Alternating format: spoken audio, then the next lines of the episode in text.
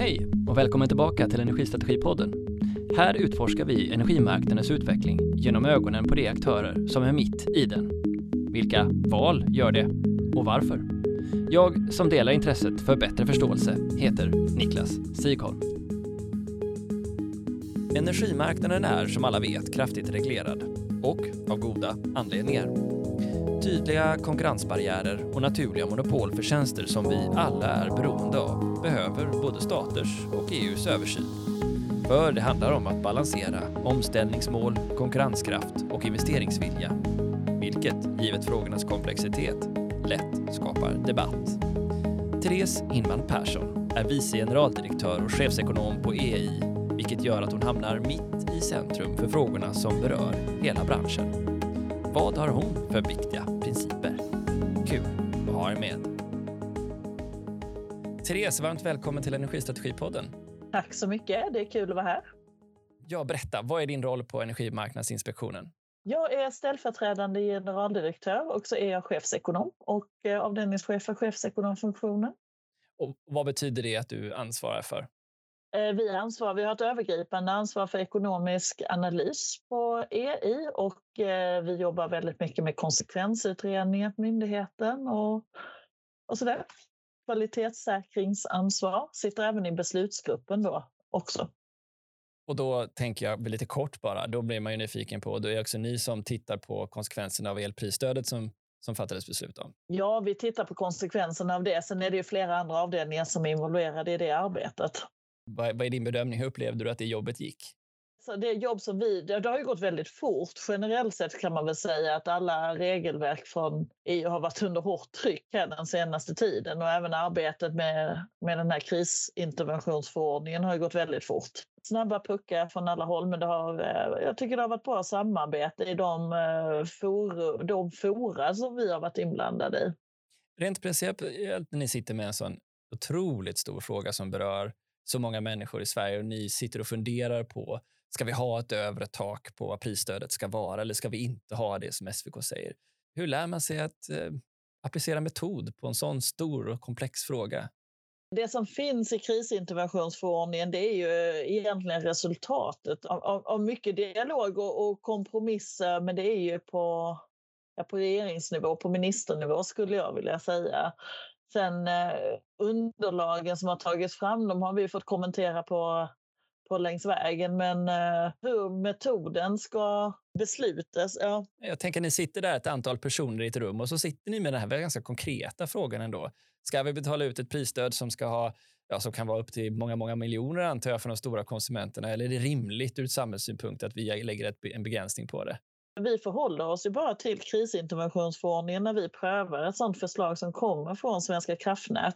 Och den säger ju att eh, alla elslutkunder som har drabbats, kan man väl säga, av höga elpriser kan få ett sånt här stöd. Det, det, är till för att mildra effekterna av de höga elpriserna. Och det gör ju att det, det är inte rimligt att betala ut till alla oavsett om man har drabbats eller inte. Vad, vad är din bakgrund? Om vi backar tillbaka lite grann till vem du är och vad, liksom hur din historia har sett ut fram till, om vi tänker oss det här rummet, när du sitter med en så här stor och samhällsviktig fråga. Hur hamnade du här? Ja, det är en bra fråga. Jag hamnade här eh, jag har en nationalekonomisk bakgrund och jag har jobbat väldigt mycket både som konsult och i privat sektor med energifrågor i, ja, i 20 års tid nu. Så att, eh, det är väl det som har gjort att jag har hamnat där jag är idag helt enkelt erfarenhet både från privat och internationellt förstår jag, eller? Ja, precis. Både, som, eh, både i konsultroll men även i andra roller och sen eh, mycket internationellt eh, arbete. Vad gjorde du då? Jag jobbade väldigt mycket med landsbygdselektrifieringsinsatser men också stöd till energimyndigheter och förnybar energimyndigheter runt om i världen. Häftigt. Mm. vad skulle du säga att den utlandserfarenheten har, har gett dig nu för typ av perspektiv? Och går det att applicera på det jobb du har idag? Ja, det gör det. Alltså, alltså jag svarar på sista frågan först, men jag menar, det har gett mig många olika perspektiv och det är väl det som man har med sig. De utmaningar som länder ställs inför, det är ju ofta likartade utmaningar när det kommer till makroperspektivet, det vill säga eh, jobba med, med förnybar energiutmaning, eh, klimatomställning, effekter på miljön och hur kan man växa och jobba med förnybar energi och bidra till liksom en hållbar tillväxt i ett land framåt. Så att det har ju varit intressant att, att jobba med länder som är i olika stadier av, av den här utvecklingen och, och omställningen. Så det, det, tycker jag är otroligt värdefullt och nyttigt. När jag började jobba med energifrågor så, och just den här typen av kanske lite mindre system då, då handlar det ju väldigt mycket om att, att kanske vissa som man säger, decentraliserade förnybara energisystem, det var, det var vägen framåt. Det var att kunna liksom erbjuda moderna energitjänster i ställen liksom där, inte nät, där det inte var eh, kostnadseffektivt att eh, bygga ut nätet. Men det gjorde ju också att det var viktigt att de tjänsterna erbjöds med tillräcklig kvalitet och så för att det inte ska bli missnöje med tekniken eller att det ska bli andra typer av problem. Det man kan se nu då, det är att Sverige är också i en, eh, och, hela Europa är ju en energiomställning där man diskuterar hur, hur ska vi göra det här för att vi inte ska få utmaningar kopplade till tillväxt till exempel och, och vidareutveckling av ja, våra respektive länder helt enkelt. Så de stora frågorna är väldigt likartade men eh, perspektiven har ju då förändrats över tid. En sån här fråga jag blir nyfiken på då är ju den att jag antar att om du kommer från länder som har mer av en utvecklingskaraktär än vad Sverige har och du sätter Sverige på någon form av så här pedestal i Europa i form av att eh, vi är första plats, plats vad gäller att implementera ny EU-lagstiftning nästan hela tiden. Eh, det måste ge ett perspektiv på också mängden reglering för att möjliggöra den där tillväxten. Hur har det påverkat dig? Hur ser du på det? Mm. Jag är väl i grunden så att jag tycker att, att eh, man ska ha rätt, rätt reglering och lagom mycket reglering. Så att man ska rätt så tillvida att man ska ha både rätt typ av reglering och rätt mängd för att nå dit man vill. Eh, så jag tycker aldrig att, egentligen att man ska överreglera. Jag tycker inte heller att man ska underreglera såklart. Det låter ju så enkelt när man säger det så, men det är inte så lätt att hamna på precis rätt, rätt reglering. Men i grunden så tycker jag då det är väldigt bra system vi har med konsekvensutredningar kring just nya regler och att eh, man där ska visa egentligen att man inte ökar bördan för mycket på dem, de som är reglerade. Det handlar ju om att eh, man ska ta hänsyn till de konsekvenser som reg regler innebär för marknaden. Man brukar kalla det light-handed regulation egentligen för att man vill se hur marknaden utvecklas och reglera allt eftersom så att man utvecklar regleringen i takt med att eh, kanske en ganska ganska underutvecklad eh, marknad på energiområdet börjar ta fart och man kan se att det blir ekonomisk aktivitet och sådär. Och jag tycker det är en ganska tilltalande ansats. Då får jag, det kanske blir en lång fråga det här, men jag gillade begreppet lätt på handen-reglering. Och så tänker vi då på den situationen som vi befinner oss i idag nu med den energikrisen som vi har och den, de effekter det har fått. Både då vad gäller tendenserna att bli mer nationalistiska, att försvara sina egna intressen. Vi har sett det i Norge, vi har sett det i diskussionen runt de europeiska ländernas överföring och vi har sett ett, kanske ett Acer som inte riktigt kommer ut med den samhällsnyttan det medför att de europeiska länderna är sammanbundna. Eh, om vi börjar i det spåret, vad, vad ser du kring den här frågan när du blickar ut i Europa idag? Står solidariteten pall? Jag hoppas ju det. Jag tror ju att det är så att marknaden, eh, att marknaden klarar av att fördela resurser på ett effektivt sätt om den får lov att fungera som det är tänkt. Sen är det alltid så, och det har man väl sett genom historien, att när det blir kriser eh, som påverkar många människor, många intressen, många företag, så, så brukar det komma eh, en tendens att, att vilja kontrollera mer och reglera mer. Och det, är väl, det, det såg man ju under finanskrisen 2008-2009 och det ser man ju nu också på energiområdet att det, det finns ett tryck på att reglera mer och styra mer. Eh, jag tycker det är jättebra att Acer Eh, den här byrån då för energisamarbete gjorde den här genomlysningen av hur marknaden fungerar och kunde konstatera att den här eh, sammanlänkade elmarknaden som vi har i Europa har bidragit med nytta på över liksom 34 miljarder euro om året till elkonsumenterna. Sen är det fördelat på lite olika sätt över Europa men ändå betydande nyttor av att vi är sammanlänkade. Och jag tycker att man ska ha det, man ska ha det med sig, att vi har en nytta av, av det samarbete vi har. Och man har också, jag tror Acer visade också i den rapporten att hade vi inte haft det samarbete som vi har och de sammanlänkningar som vi har så hade konsekvenserna blivit, av energikrisen blivit ännu värre för, för hushåll och företag i Europa. Men det är alltid ett tryck på att vilja kontrollera mer eh, när det blir en kris. Och eh, det kommer väl av att man eh, jag gissar här nu, men jag tänker att det handlar om att man tror att genom att kontrollera att man på något sätt kan åstadkomma ett bättre utfall än vad marknaden kan. Och jag tror ju inte det. Jag tror att man som beslutsfattare sitter längre från marknaden och därför har man inte samma information. Och har man ett informationsunderskott så tror jag att man fattar sämre beslut än eh, Eh, allt annat lika då, än vad marknaden klarar av att göra. Sen är det ju så att ibland när man får den här typen av chocker och kriser så är det klart att utfallet av dem, att det, det får så stora konsekvenser för hushåll och företag att man såklart som beslutsfattare och politiker känner att vi kan inte bara låta det här vara. Vi måste göra någonting för att mildra de här effekterna och det är väl det man har känt runt om i Europa.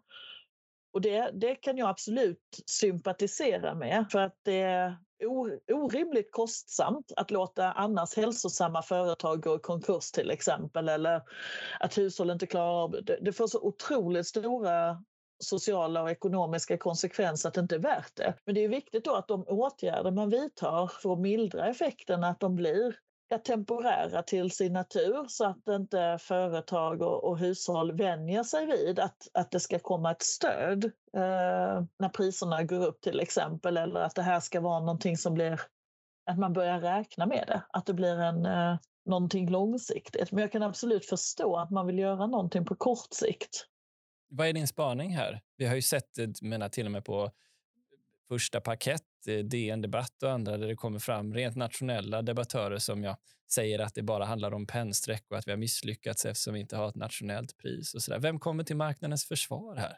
Det, det är ju, jag höll på att säga egentligen grundstommen är, är ju att eh, marknaden fungerar, fungerar väl. Det tycker ju vi och det tycker andra aktörer också det finns ju förbättringspotential. Eh, det finns det ju. Allting är ju inte löst om man säger alla egenskaper hos produktionsresurser till exempel eller andra resurser är kanske inte prissatta i marknaden och då kan ju inte marknaden lösa vissa utmaningar heller. Så att det är klart att vi till exempel som har, har en uppgift att jobba för välfungerande marknader försöker hela tiden vidta åtgärder som leder till förbättringar. Men det finns ju även, även Acer lyfter ju de här frågorna, liksom både att de har gjort genomlysning men också att det finns en förbättringspotential i marknaden.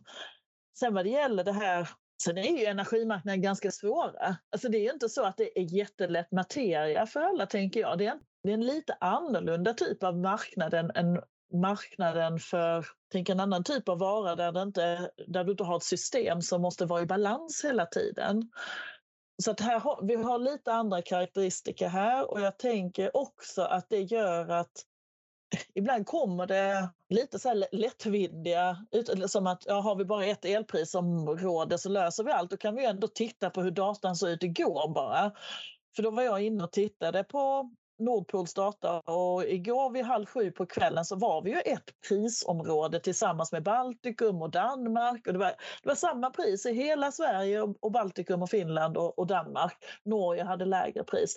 Men då låg ju det här gemensamma samma priset på, jag tror det var 278 euro per megawattimme. Och det är inte det folk menar när de säger att vi ska ha ett elprisområde. Utan man vill ju ha det på en låg nivå då. Ett område garanterar ju inte ett lågt pris. Varför är det så svårt att, för politikerna att hålla i fingrarna i styr här då? Att inte vara light touched? Egentligen får väl politikerna svara på det där. Men jag tänker det är väl deras jobb i och för sig också kan jag tänka mig att, att, att värna då eh, svensk tillväxt och svenska hushålls välfärd och sådär. Att man vill jobba för ett samhälle som ändå i grunden fungerar väl och som har en attraktionskraft. Både vad det gäller eh, industrier och företag och, och eh, självklart så vill man ju inte att folk förlorar sina jobb för att företag inte kan driva sin produktion vidare och så där. Så att det här är ju en ganska komplex materia. Och tvärtom, när priserna är väldigt låga så viker elproducenterna. Ja, och då, då är det problematiskt. Men man har, det, det är väl också en, en spaning att det sker väl relativt fler kompensationer då priserna är höga än när priserna är låga. Det här med, liksom, för marknaden är ju till för att tjäna oss antar jag, liksom är, är poängen här. Eh, mm. Har du, ser ni att de mekanismer som ni sätter in också får den, den effekt som ni förväntar er? Alltså elprisområdena kan man ju se att det inte riktigt har lett till den typ av produktion till exempel som man kanske hade förväntat sig av ett högre pris över tid. Hur ser du på det? Att övervinster borde dra till sig nya aktörer och sådär? Ja, alltså det där är en fråga vi har diskuterat jättemycket och vi har ju traditionellt, alltså om man tittar tillbaka så har vi inte haft höga priser så väldigt länge. Utan eh, Sverige har ju under lång tid haft eh, bland de lägre elpriserna i Europa faktiskt. Så att eh, det är ju det är faktiskt på senare tid som vi har höga priser och det tar ju relativt lång tid ändå att etablera ny produktion och då måste ju också en producent eller investerare tänka liksom att det är inte högt pris bara det här året utan de, de vill ju kanske då ha, de, de vill ju göra beräkningar såklart så att deras investering håller. Så de tittar ju långt, långt fram i tiden såklart. Men det här är ju en sån här utmaning som finns, att anpassningsmekanismerna, här fick vi en, en utbudschock då säger jag, att det fanns det var hög efterfrågan på eh, energi eh, när man öppnade upp efter pandemin och många länder gick ur en lockdownperiod. Enormt hög efterfrågan och sen så blev det ju ytterligare då hög efterfrågan för vi hade ett väldigt varmt 2022 eh, runt om i Europa samtidigt som vi då hade de här utbudsstörningarna. Både utbudsstörningar för att fransk kärnkraft inte gick som den skulle eller har gått som den skulle, delvis beroende på vädret men också på grund av Rysslands invasion av Ukraina då, och de stoppen. Och de, när, när det blir en chock så tar det ju tid för ekonomin att anpassa sig. Och det är det vi ser. Det tar lite tid att få in produktion och nya resurser snabbt i ett system. Jag hänger med på det här resonemanget om att vissa i en marknadschock behöver stöd för att det tar tid marknaden att harmonisera och vi vill inte förstöra en hel industri bara för att vi får en tillfällig liksom, prisspik. Däremot så är man ju också inne nu och funderar på själva marknadsdesignen. Alltså vi har haft en marknad som klassiskt kallas för energy only, alltså vi betalar för energin. Men nu har även man öppnat upp för vissa kapacitetsmarknader, något som tidigare sades absolut inte skulle föras in på den europeiska marknaden. Och man har lagt de här pristaken då på gas och kolkraft. Hur, hur ska vi tolka det där, vi som är på marknaden? Är det där tillfälligheter eller är det där en del av en större trend på något sätt? Jag hoppas att det är tillfälligheter. Men det finns ju de, precis som du säger, det finns ju de som eh, eh, säger att ja, man pratade från början om att man, det var övervinster som man skulle hämta in då eller eh, ja, beskatta på något sätt. Eh, eller hämta in i alla fall. Men att eh, i vissa dialoger så, så pratar man bara om vinster.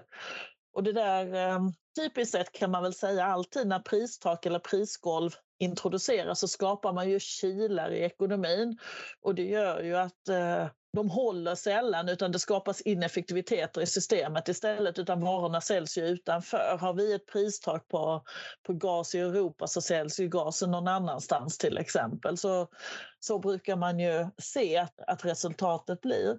Intjäningstak skapar ju såklart utmaningar för, för elproducenter och investerare. Som sagt, vad betyder det här intjäningstaket?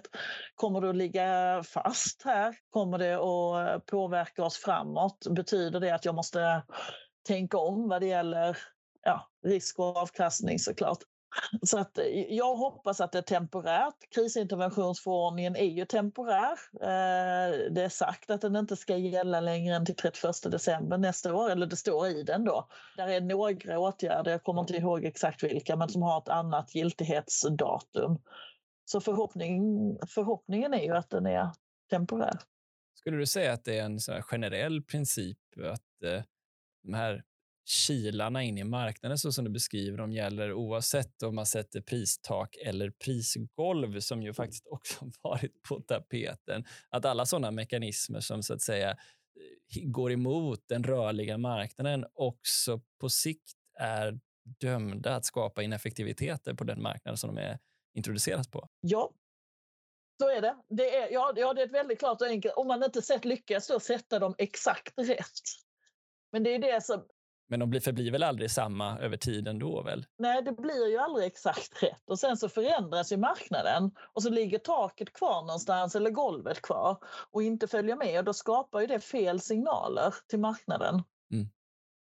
Är det någonting som är liksom acceptabelt då, givet att en viss affär på den här marknaden skulle ha en synnerligen lång investeringshorisont till exempel? Eller någon särskild nytta? Är det, är det så man ska se på det? Hur då tänker du i uh, att Ja, att det kan vara värt att skapa antingen golv eller tak för att man har liksom unika egenskaper som det politiken är satt att göra en bedömning av. Eller är det där bara av ondo som du ser det? Alltså jag ser, alltså, det, så som det har diskuterats nu, eh, tak och golv. Jag förstår att man vill eh, som sagt, det här är ju en kris. Eh, som man säger, en kris då, då vill man kanske vidta vissa åtgärder som inte är eh, direkt vad man skulle göra annars liksom för att främja en väl fungerande marknad. Då, då ser jag det här intjäningstaket, det är ju en sån åtgärd som man vill kunna hantera. Då har man, om man läser krisinterventionsförordningen så ser man ju också att det här taket, man sätter det på 180 euro och eh, samtidigt så står det ju att man kan gå över eller under det. Man kan ju fatta lite nationella beslut beroende på hur det ser ut i, ett, eh, i varje enskilt land och så där. Och det är ju för att man vill försöka hitta ett sätt liksom att möta de olikheter som finns. Det är ju alltid så att vill man främja någonting så är det ju de här medel man har, liksom att man kan man kan stötta någonting på olika sätt eller så kan man beskatta någonting om det är något som är, man tycker är av ondo som man vill med hjälp av ett, ett styrmedel avråda från. Det kan man ju alltid vidta, men det som är viktigt och som vi brukar lyfta det är ju just det här att man behöver se då hur olika styrmedel och incitament i en marknad samverkar. Får man den styreffekt man egentligen är ute efter? Eller vad, vad tror, där kommer ju de här konsekvensbeskrivningarna in som blir så viktiga. Vad tror vi händer här om vi sätter ett, eh, om vi sätter ett tak på någonting eller om vi lägger en subvention på någonting? Kommer vi att få de beteenden eller de utfall som vi förväntar oss?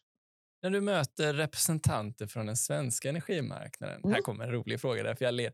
Eh, tycker du att du får förståelse för den här principen eller är alla bara inne för att skydda sin egen teknik?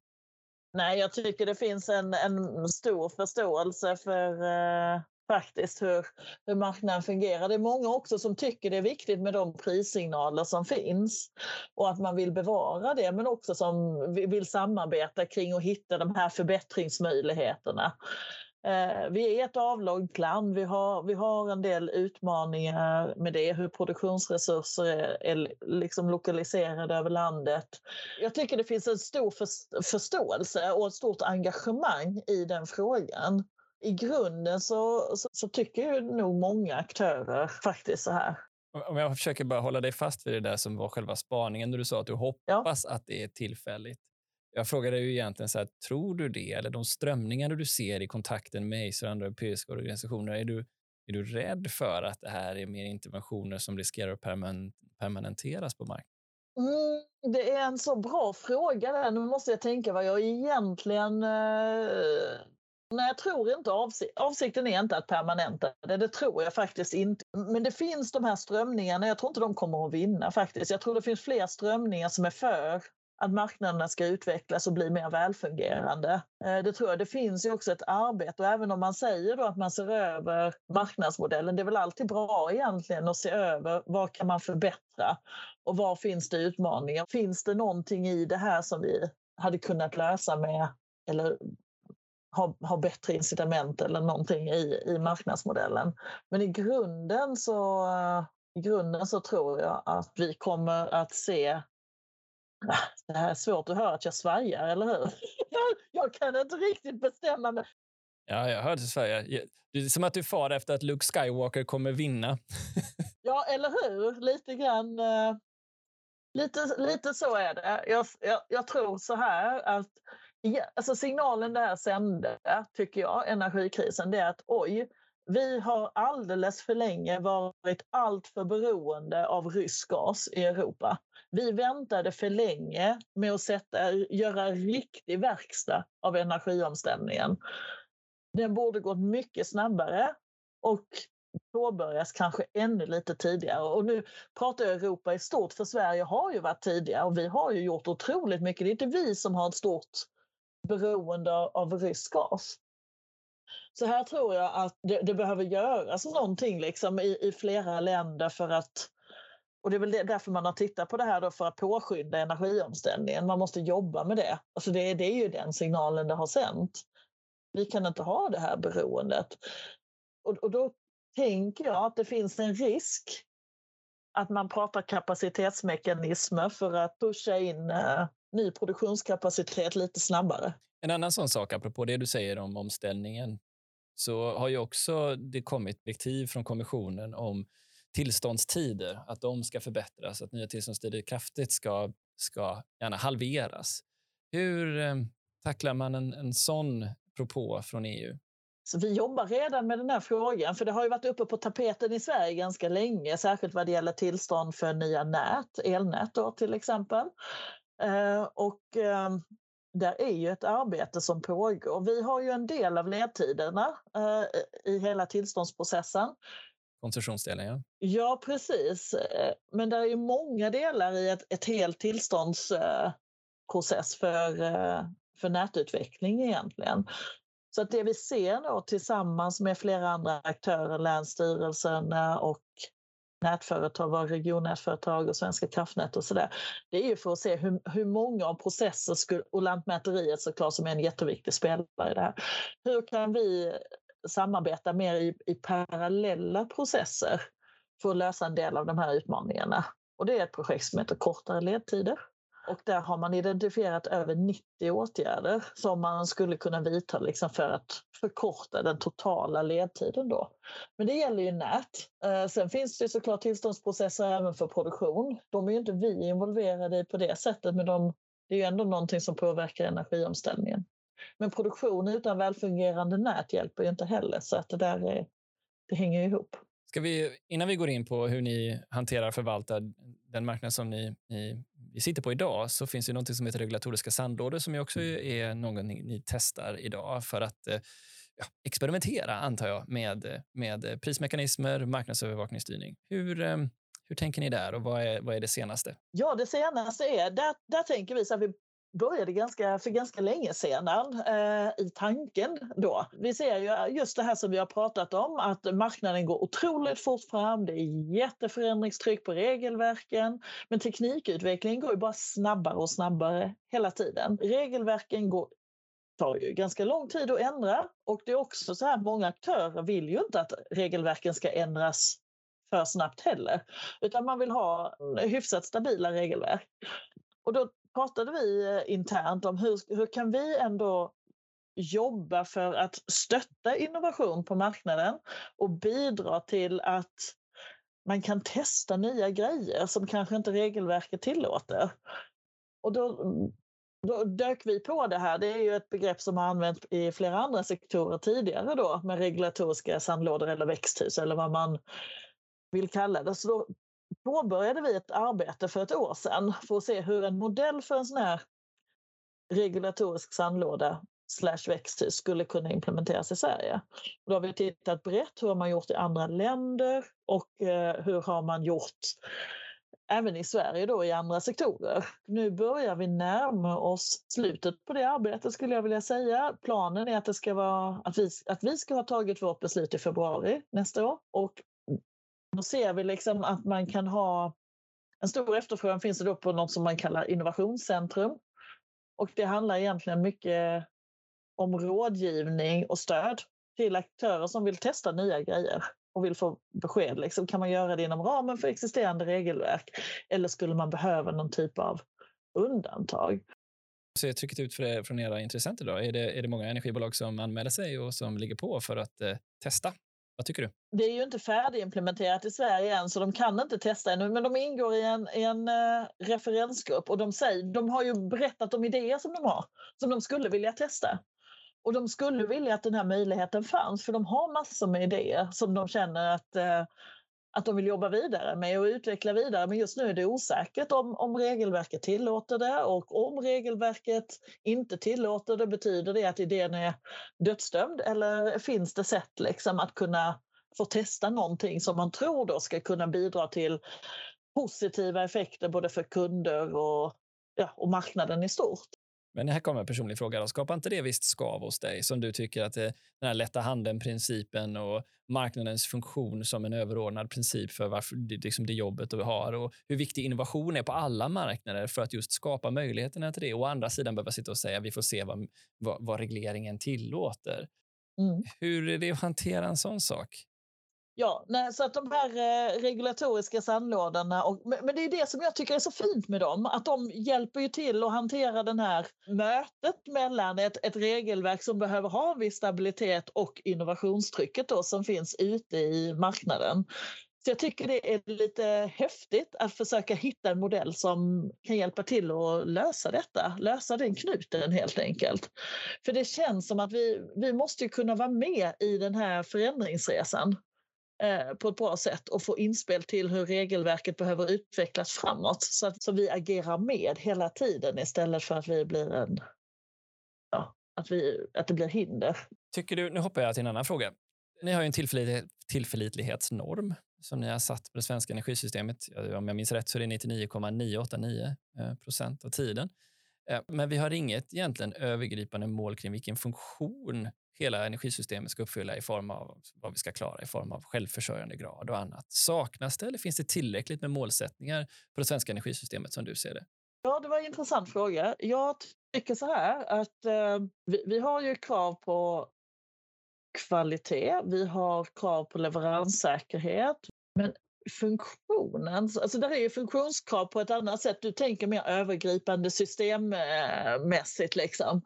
Övergripande, ja. Nej, jag tycker nog att de, de här som vi har, de bitar som vi har, de jackar i varandra. Så att med dem så har vi ett system som fungerar, det har vi också sett. Vi har bra överföring, vi har hög kvalitet i den. Man kan väl säga så här att det, det blev också jättetydligt innan eh, det är ganska länge sedan nu, men när man gjorde olika typer av avbrottskostnadsundersökningar till exempel och undersöker hur hushåll och företag värderar avbrott. Så för några år sedan innan vi hade haft de här jättestora stormarna Per och Gudrun och så, så det är ganska långt tillbaka i tiden. Men då, då var det svårare för hushåll och företag att uppskatta de där kostnaderna. Det var så sällan man hade långa svåra avbrott i Sverige. Eh, nu pratas det om leveranssäkerhetsmål och annat och att vi behöver någon som tar ansvar för hela systemet och så här. Och jag tror att det här med att någon tar ansvar för hela systemet, Frågan är exakt hur det ansvaret skulle se ut och vad man har för medel att uppfylla det ansvaret. Eh, vad innebär det då i, i förlängningen? Jag tror att det är bra att jobba med de, eh, de parametrar vi redan har faktiskt. För vi har ju sett att de, de har ju faktiskt fungerat väl. De fungerar ju väl. Så nej egentligen, det, vi behöver inget ytterligare sånt komplement som du ser det?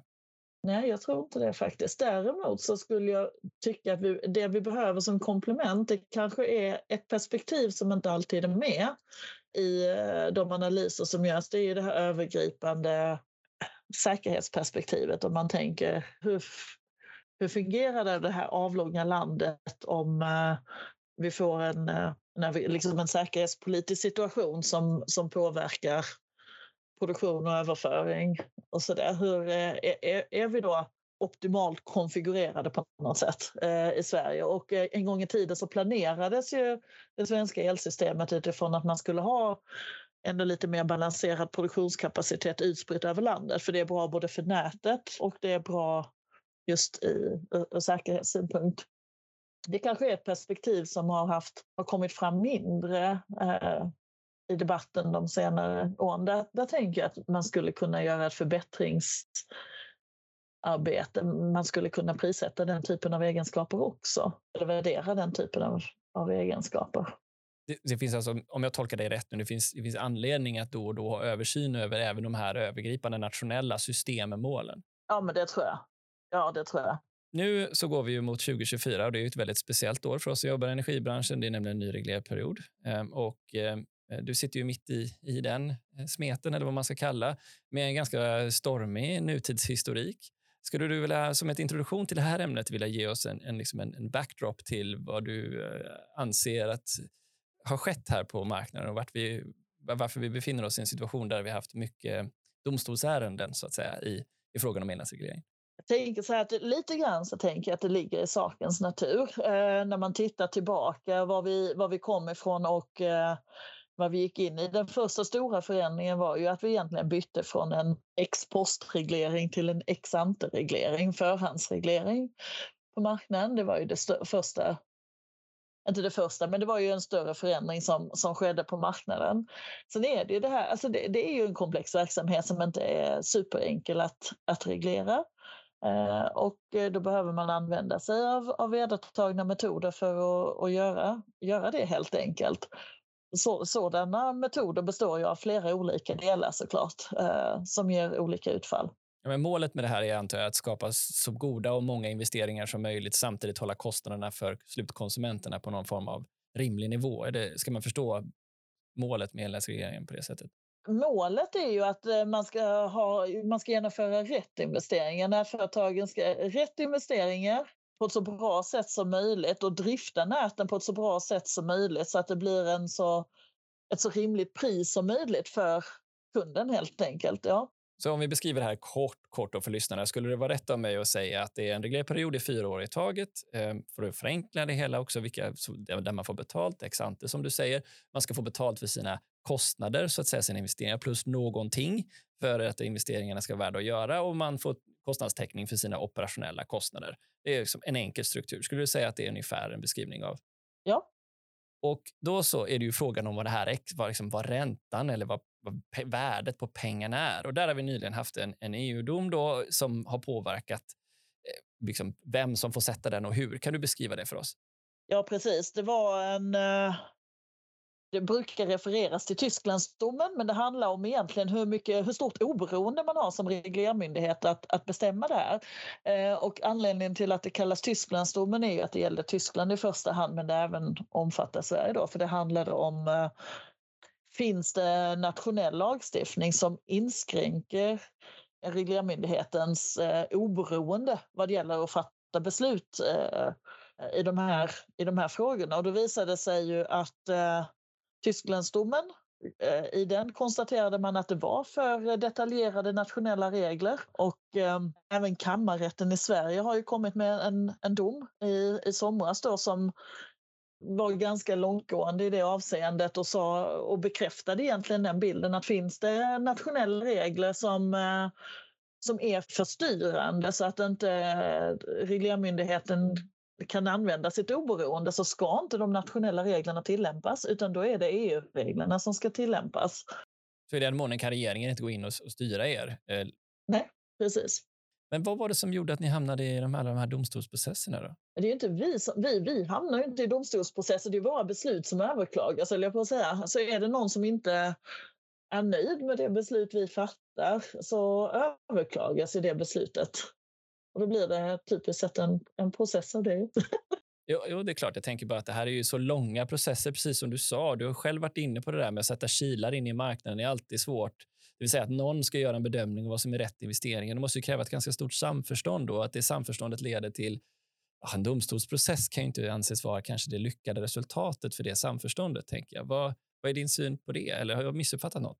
Vad det gäller just investeringar så skulle jag vilja säga, alltså, eh, ingen eh, reglering som har de senaste åren, då, då fungerar det ju så att nätbolagen rapporterar ju in sina investeringsprognoser till oss och de går ju rakt in i, i reglermodellen. Man får ju alltid liksom ersatt sina för sina investeringsprognoser. Det får man ju i, i förväg och sen stäms det av i efterhand då. Vad har utfallet blivit? Men det, det, är ju ingenting som, som inskränks utan mycket av eh, de domstolsprocesser som har varit har ju handlat om avkastningen på det som kallas den reglerade kapitalbasen eh, och hur hög den, den avkastningen ska vara.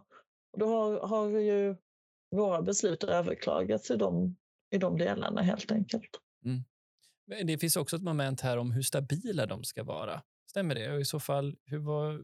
För, för den kritiken jag ibland hör från elnätsföretagen är att man vill ha som du var inne på, ju stabila förutsättningar för investeringsportföljer som löper över lång tid, så man vill veta vad det är för typ av ränta som gäller och inte få snabba slag, vilket vi hade för några år sedan. Och räntan kanske gick från drygt 4 ner till ja, 2,5 för att bara säga det enkelt. att den typen av slagighet skapar risker för en investerare på marknaden.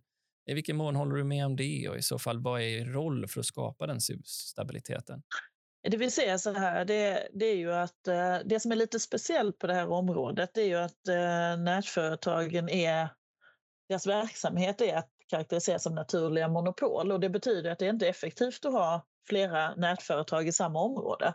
Och genom att man har en monopolställning så har man ju också, det är det regleringen ger, man får en garanterad intäktsram.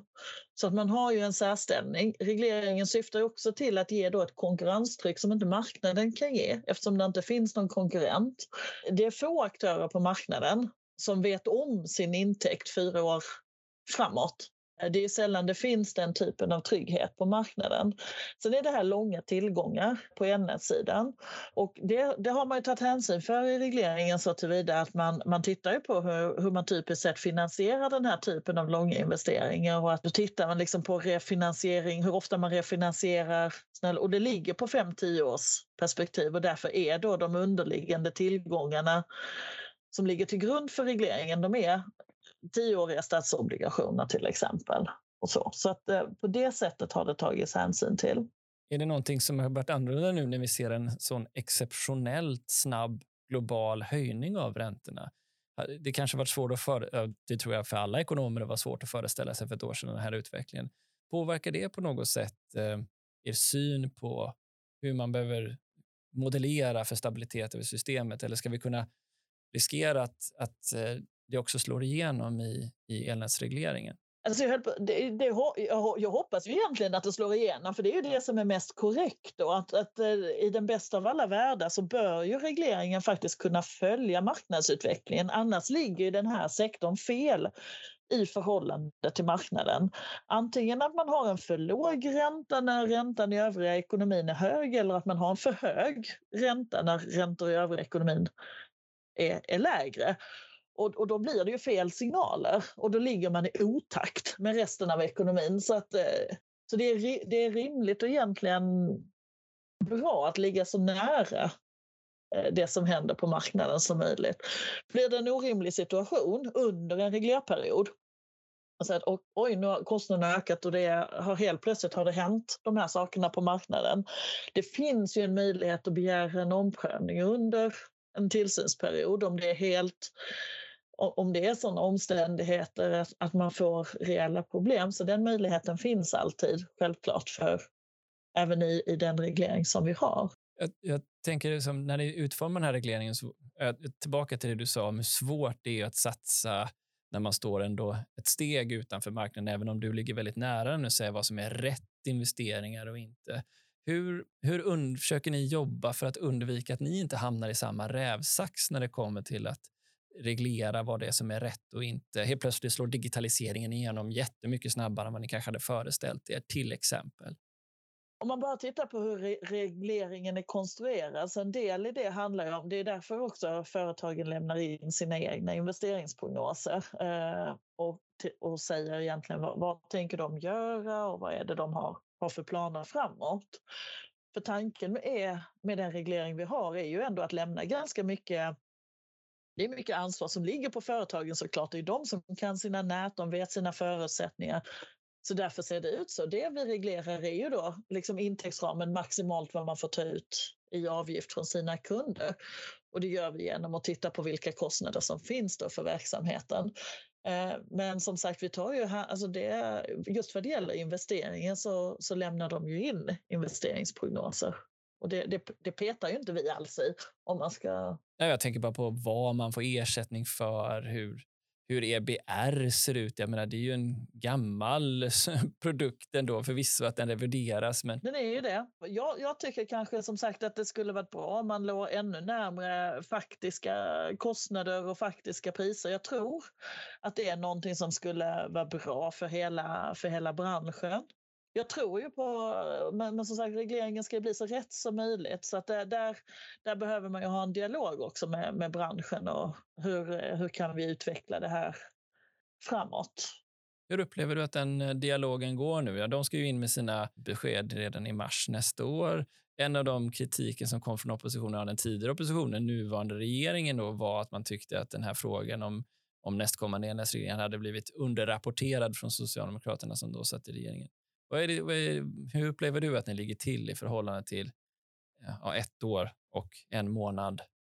Jag tror det blir ett intensivt år framåt, så kan jag säga. Eh, det är intensiva tider. Eh, jag tycker att eh, vi har en bra dialog med energiföretagen eh, som är branschorganisation men också med många av av nätbolagen. Eh, vi kommer att ha en tätare dialog framåt än vad vi kanske har haft just för att det är ganska mycket som ska göras och eh, vi vill gärna ha en tät och god dialog.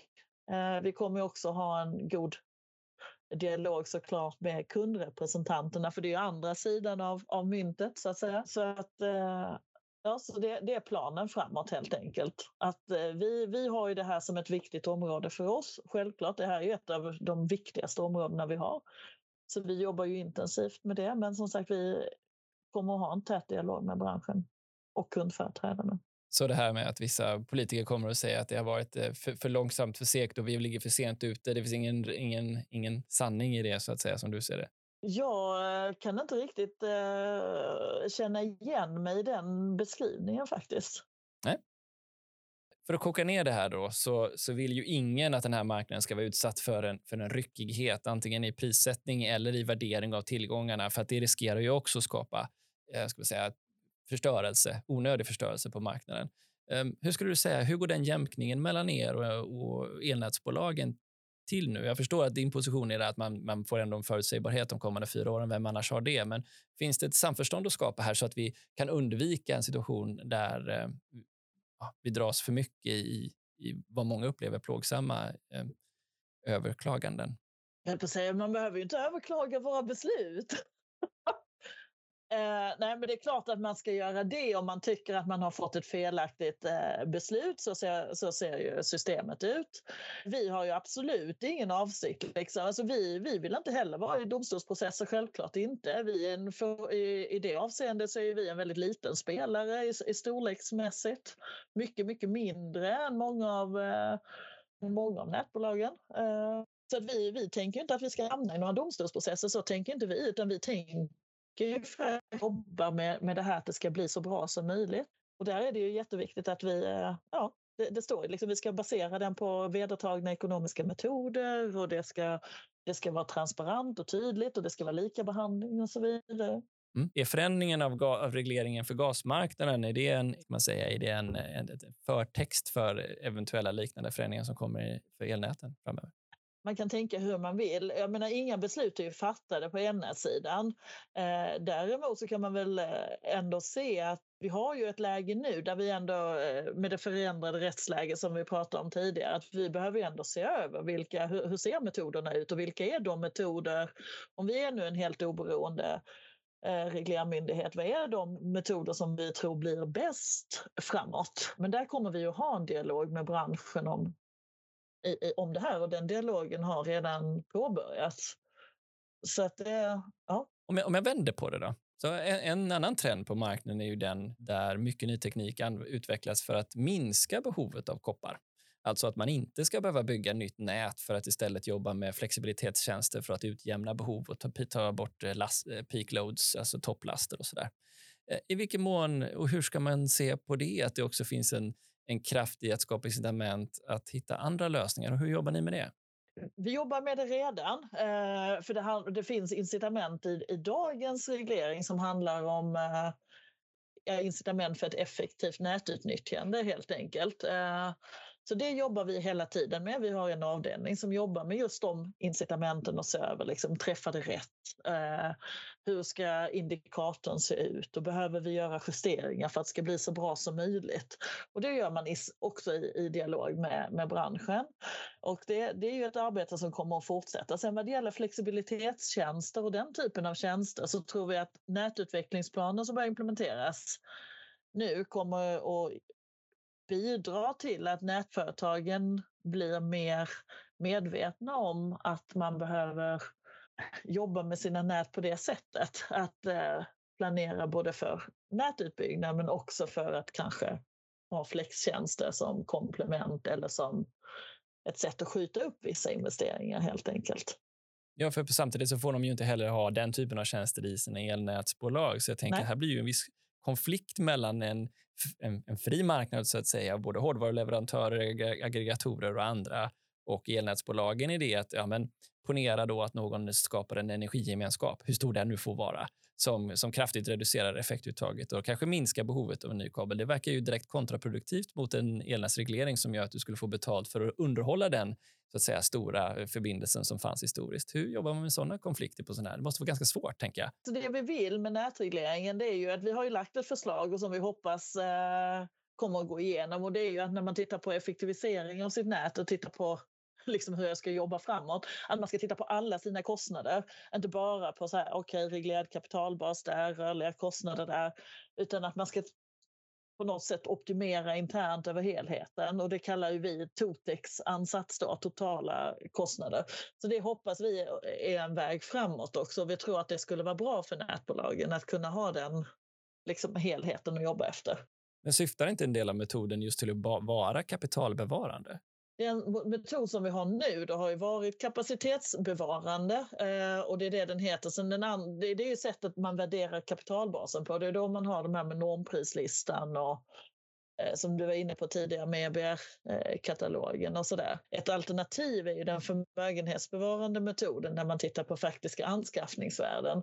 Men i båda fallen så handlar det vi ändå vill att nätföretagen gör, det är ju att de hittar en bra balans mellan hur, hur mycket nät ska vi bygga och hur mycket kan vi jobba med olika typer av lagerlösningar och flexibilitetstjänster och så. Och vilka problem löser vi med vilken insats?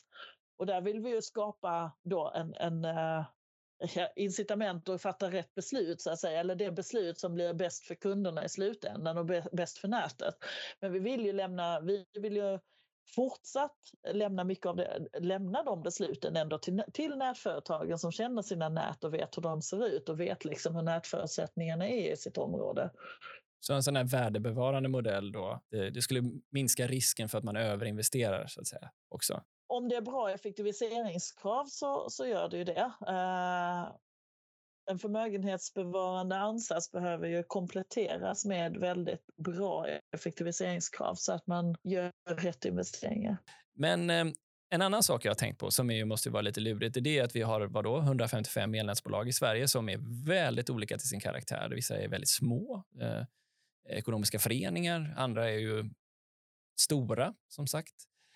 Hur hur anpassar man en sån här reglering för bolag som både har så stora geografiska skillnader men också storleksmässigt är så olika? Det är den stora utmaningen eh, och så är det ju för de flesta länder. Liksom att man försöker ju hitta en, en metod. De ska ändå bedriva samma typ av verksamhet eh, och det är ju elnätsverksamhet. Exakt hur man bedriver sin verksamhet det väljer man ju själv men man använder sig typiskt sett av samma typ, eh, ofta av, av kapital för att bedriva den här verksamheten. Man har nät till exempel och man har, man har ledningar och man har stolpar och man har en del kablar liksom och sådär. Och man har såklart massa teknisk utrustning i näten men sen jobbar man ju även med, med köp av tjänster och lager och sådär. Så att eh, regleringen är ju flexibel så tillvida att det gör man ju på sina olika sätt det som regleras är ju avkastningen på den här kapitalbasen. Det är ju intäktsramen helt enkelt. Så att det, man kan ju bedriva sin verksamhet på ganska olika sätt ändå utan att det är ett, en utmaning för, för regleringen. Mm. Men i praktiken så kan det vara ganska olika förutsättningar bara vad det är för normprislista som gäller i olika delar av landet till vilka krav man klarar av rent operationellt att möta. Så är det. Vi ser ju det att eh, vissa nätföretag säger ju att de, eh, ja, de jobbar väldigt olika. Vissa nätföretag tar ju inte alls ut eh, hela sin intäktsram eh, och vissa nätföretag behöver ta ut hela sin intäktsram. Så det, det, det är olika och eh, det är väl det vi ser framåt också. Jag tänker mig att vi kanske ser ett ökat samarbete framåt mellan nätföretag på vissa sätt. Mm. Ja, jag förstår att du inte kan säga så himla mycket om det, men 155 elnätsbolag alltså i Sverige som då ska... Eller 100, 170 nästan. Eller 170 mm. elnätsbolag då i Sverige som ska möta nya nätutvecklingsplaner, så kunna liksom hantera flexibiliteten, en ny reglering, överskjutning från tidigare. Ha, eh, jag menar, det, kravbilden... Så här, om jag ställer frågan så här. ligger det i farans riktning att tro att kravbilden kommer fortsatt öka på elnätsbolagen framöver? Alltså, de har ju utmaningar framåt som gäller eh, just nätutvecklingsplaner och ökade krav som kommer ganska mycket från EU-regelverk då kan man säga. Så att eh, Sen varierar det lite. Vissa mindre nätbolag är otroligt eh, proaktiva och bra på att hantera det. Och eh, andra kanske får lite, lite utmaningar kring det för att de är väldigt små och kanske har begränsat med resurser för att kunna hantera de här frågorna. Så att eh, jag tror, jag tror, jag tror att eh, om, man, om man blickar långt fram i tiden så kanske vi kommer att se en, en utveckling som sagt med en del samarbeten då kring, eh, kring en del frågor mellan nätbolagen. Um, och så här, den här utvecklingen som vi är inne i nu, vi har ju haft COP27 här och målet om 1,5 gradersmålet. Men om vi, vi kan nästan lägga det åt sidan. Vi pratar om Sverige och AB och omställningen där ju nät och tillgången till nät är minst lika viktig som förflyttbara konsumenter och ny produktion.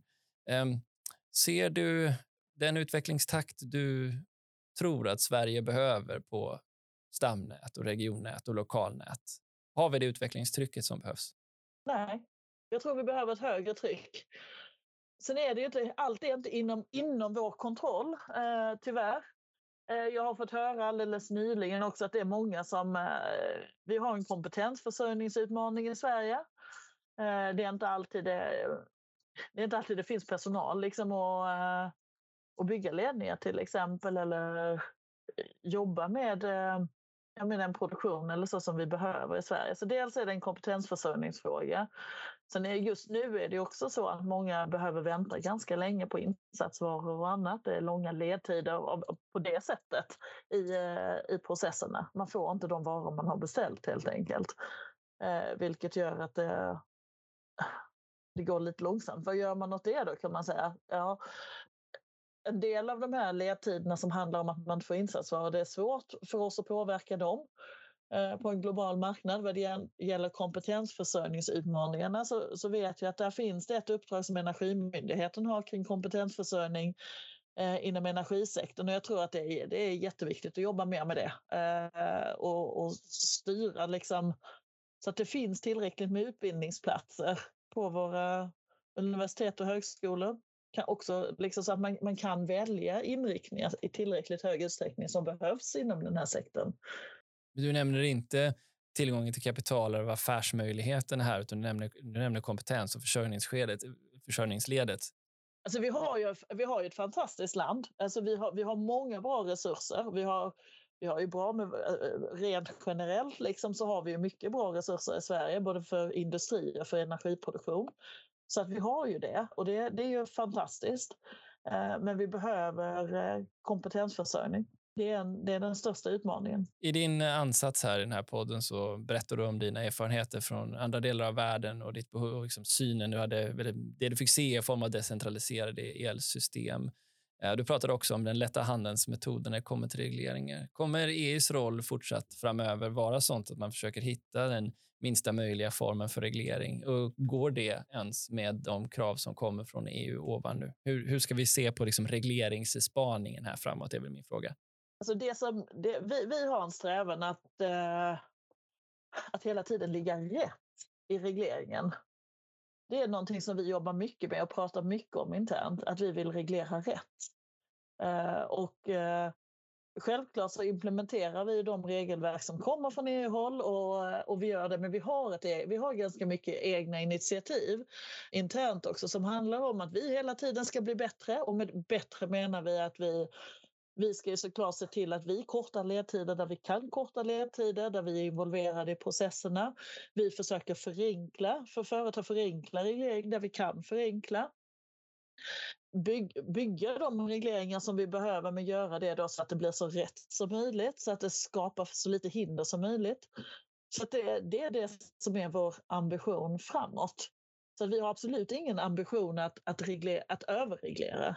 Det har vi inte. Utan, utan eh, reglera rätt så skulle jag vilja säga. Vad blir, vad blir då effekterna? Av, vad, vad är det du ser om du har lyckats med det här? Om vi har lyckats med det här så ser jag, en, jag ser att vi har en välfungerande marknad då. Eh, jag ser kanske en framtid där vi har, eh, där vi har färre flaskhalsar i våra nät.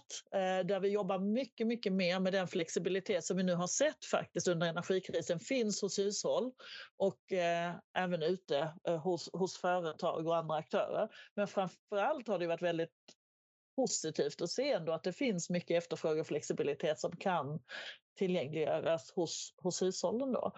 Jag ser framför mig att vi har eh, fler aggregatorer på marknaden. Eh, jag ser att vi har eh, att vi har en, en prissättning av egenskaper hos produktionskapacitet som gör att, att det kommer in, att vi har bort med inträdesbarriärer, så är det är någonting som vi jobbar med, men att vi får mer spridd produktion runt om i, i Sverige.